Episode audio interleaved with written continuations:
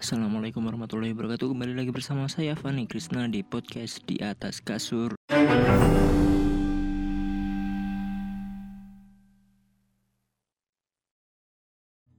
Di episode kali ini aku akan membahas film-film yang ada di bioskop pas lebaran dan mungkin seminggu dua minggu setelah lebaran. Mungkin aku akan membahas secara lebih spesifik film Ghostwriter Karena aku cuma sempat nonton film itu pas lebaran ini. Ya biasalah karena faktor ekonomi Di samping itu aku juga baca-baca sinopsis masing-masing filmnya dulu Dan aku tertarik sih sama sinopsis film Ghostwriter apalagi digarap sama Ko Ernest sebagai produser dan direktur utamanya Mas Bene. Oke, saat ini di bioskop dekat rumahku muter film Single 2, Hit and Run, Ghostwriter, Sidul 2, Godzilla, Aladdin, Kuntilanak. Kita mulai bahas film Single 2. Sebenarnya di part satunya aku suka sih sama filmnya Bang Radit yang satu ini. Jadi ya bisa dibilang nggak ada alasan buat aku nggak nonton film ini. Tapi akhirnya aku memutuskan nggak nonton film ini karena ya pengen cari yang beda aja. Karena udah sering nonton tuh filmnya Bang Radit jadi aku pengen nonton filmnya Bang Bene biar beda aja gitu maksudku film ini menceritakan tentang Epi yang usianya semakin tua tapi masih single. Tapi sebelum si Epi ini ulang tahun ke-30 dia bertekad buat punya pacar. Nah, dulu premis kayak gini aku males banget buat nonton. Tapi ternyata aku cukup terhibur di sequel single yang pertama itu. Mungkin kayaknya aku mulai bosen sama jokes-jokes khas Bang Raditya Dika ini ya selanjutnya ada film action komedi Hit and Run yang banyak dinantikan cewek-cewek nih. Tahu sendiri lah ada Jeffrey Nicole di film ini. Eh ngomong-ngomong film ini juga ada Mbak Tatiana. Jadi di bioskop ada dua poster yang ada muka dia. Ini membuktikan kalau Mbak Tatiana ini aktingnya bagus banget. Sampai-sampai ada dua film di waktu yang sama. Gak bisa bayangin atur jadwal promo film yang gimana gitu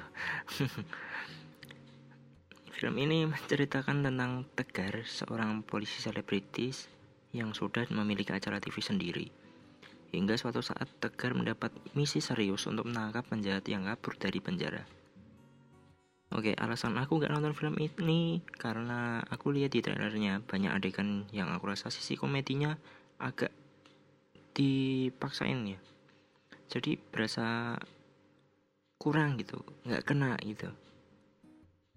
Tapi aku penasaran sih sama sisi actionnya. Kan di film ini ada Yayan Ruhian yang kemarin main di John Wick 3 itu. Terus sama ada Jota Slim. Jadi mungkin bisa nostalgia pas film The Raid pertama dulu.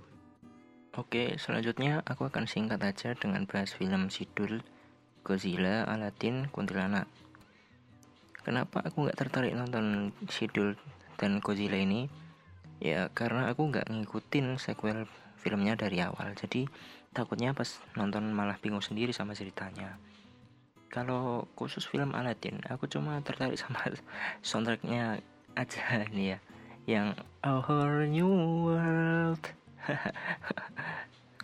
Tapi kalau ceritanya sih kurang tertarik ya karena premisnya mungkin sama kayak kartun-kartunnya yang dulu itu next kenapa aku nggak nonton film Kuntilanak 2 karena ya bukannya menilai dari luarnya ya tapi aku nonton trailernya itu ada adegan CGI yang menurutku dipaksain. Jadi takutku film ini banyak adegan-adegan yang terlalu dipaksain pakai CGI gitu.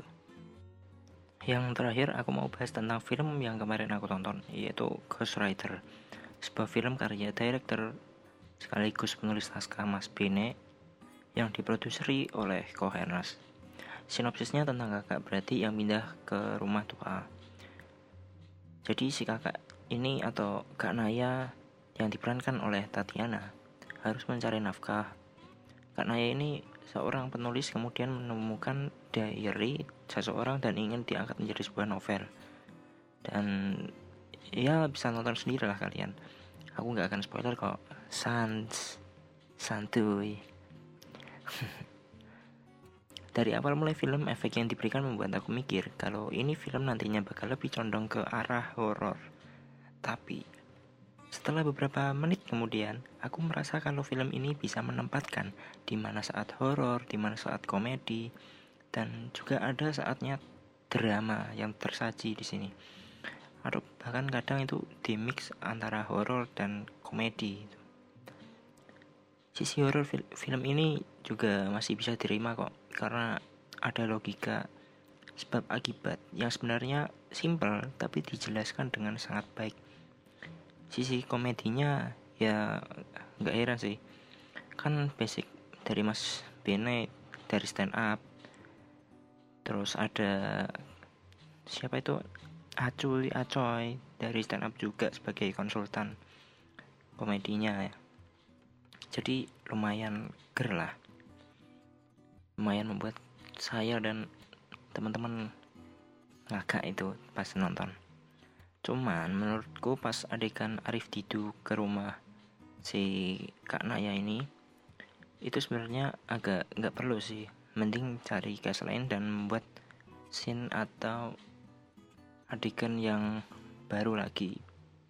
Tapi ya ya nggak begitu berpengaruh sih tergantung selera selera aja. Itu saran dari saya ya.